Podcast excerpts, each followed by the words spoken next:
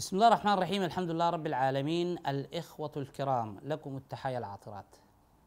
لا يزال التسلسل في حلقات هذا البرنامج وفي الحلقة السابقة بدأنا الحديث حول مفهوم سورة الفاتحة التي سميت بسورة الفاتحة وأم الكتاب وفاتحة الكتاب بشيء من التعمق.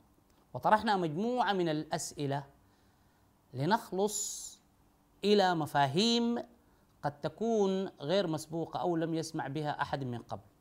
ولكن توقفنا على أن سورة الفاتحة هي طلب مقدم بلسان المؤمنين لله سبحانه وتعالى وصادق عليه بإنزال الكتاب التشريع ولذلك سميت بفاتحة الكتاب. إذا هي العناوين الرئيسية والعناوين البارزة للكتاب التشريعي كله. يعني كل الكتاب التشريعي هو منضوي تحت سورة الفاتحة. ولذلك هي الشافية وهي الراقية العظمى وهي سورة الفاتحة أمر كبير مفاهيم كبير جدا ليست بالأمر السهل الذي يظنه الناس. الآن قلنا أن الطلب المرفوع بسورة الفاتحة إياك نعبد وإياك نستعين اهدنا الصراط المستقيم. كل الأمر نحن نريد من الله سبحانه وتعالى أن يصدق علينا بالهداية إلى الصراط المستقيم. هنا تأتي أسئلة. إياك نعبد وإياك نستعين. تم الفصل بين العبادة والاستعانة بتكرار الفعل إياك. الآية ما قالت إياك نعبد ونستعين. كده ممكن تكون الاستعانة جزء من العبادة لكن تم فصل بتكرار فعل إياك نعبد وإياك نستعين.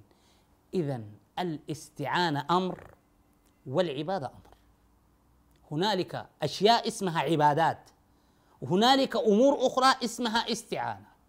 والاستعانة ليست العبادة.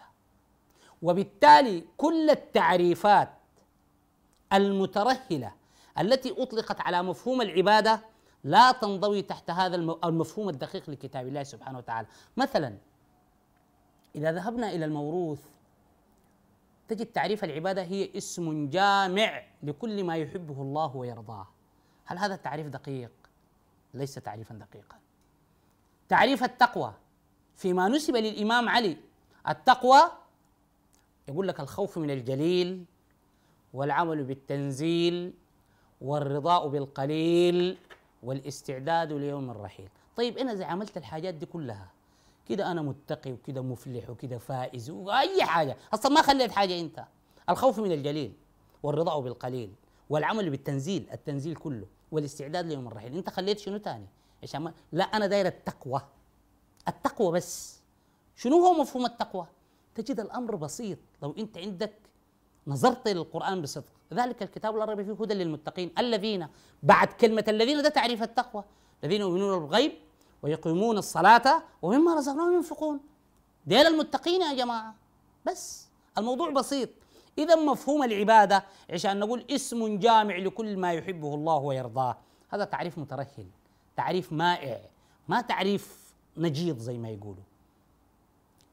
إذا إياك نعبد وإياك نستعين. لا بد أن نفرق ما بين الاستعانة وأدواتها وما بين العبادة وأدواتها. طيب ربنا أمرنا أن نستعين بشنو في القرآن الكريم؟ قال واستعينوا بالصبر والصلاة. إذا نأتي إلى نتيجة خطيرة جدا وهي أن الصلاة ليست من العبادات.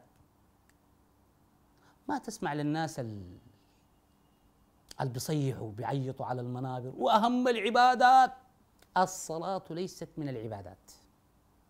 الصلاة هي من وسائل الاستعانة. والصبر مقدم عليها. ربنا قال واستعينوا بالصبر والصلاة.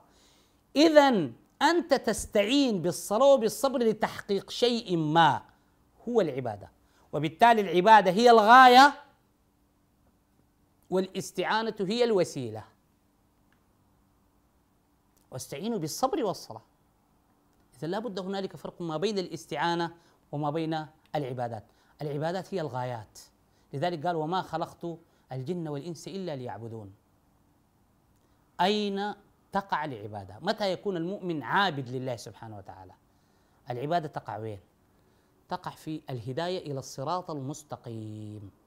بالعبادة يعني أنت عشان تكون عابد لله سبحانه وتعالى لابد أنك تتمثل الصراط المستقيم. اهدنا الصراط المستقيم. عشان ربنا يهديك الصراط المستقيم لابد أنك تستعين بالصبر والصلاة. السؤال ما هو الصراط المستقيم؟ برضو حتجد التعريفات الهائمة. الصراط المستقيم هو الطريق إلى الله. لا لا ده ما تعريف دقيق. ومنهم من ذهب إلى أن الصراط شيء جسر على جهنم أحد من الشعر وأرق من السيف والكلام. الكلام ده كله يا جماعة كده خلوه عليه جنبه.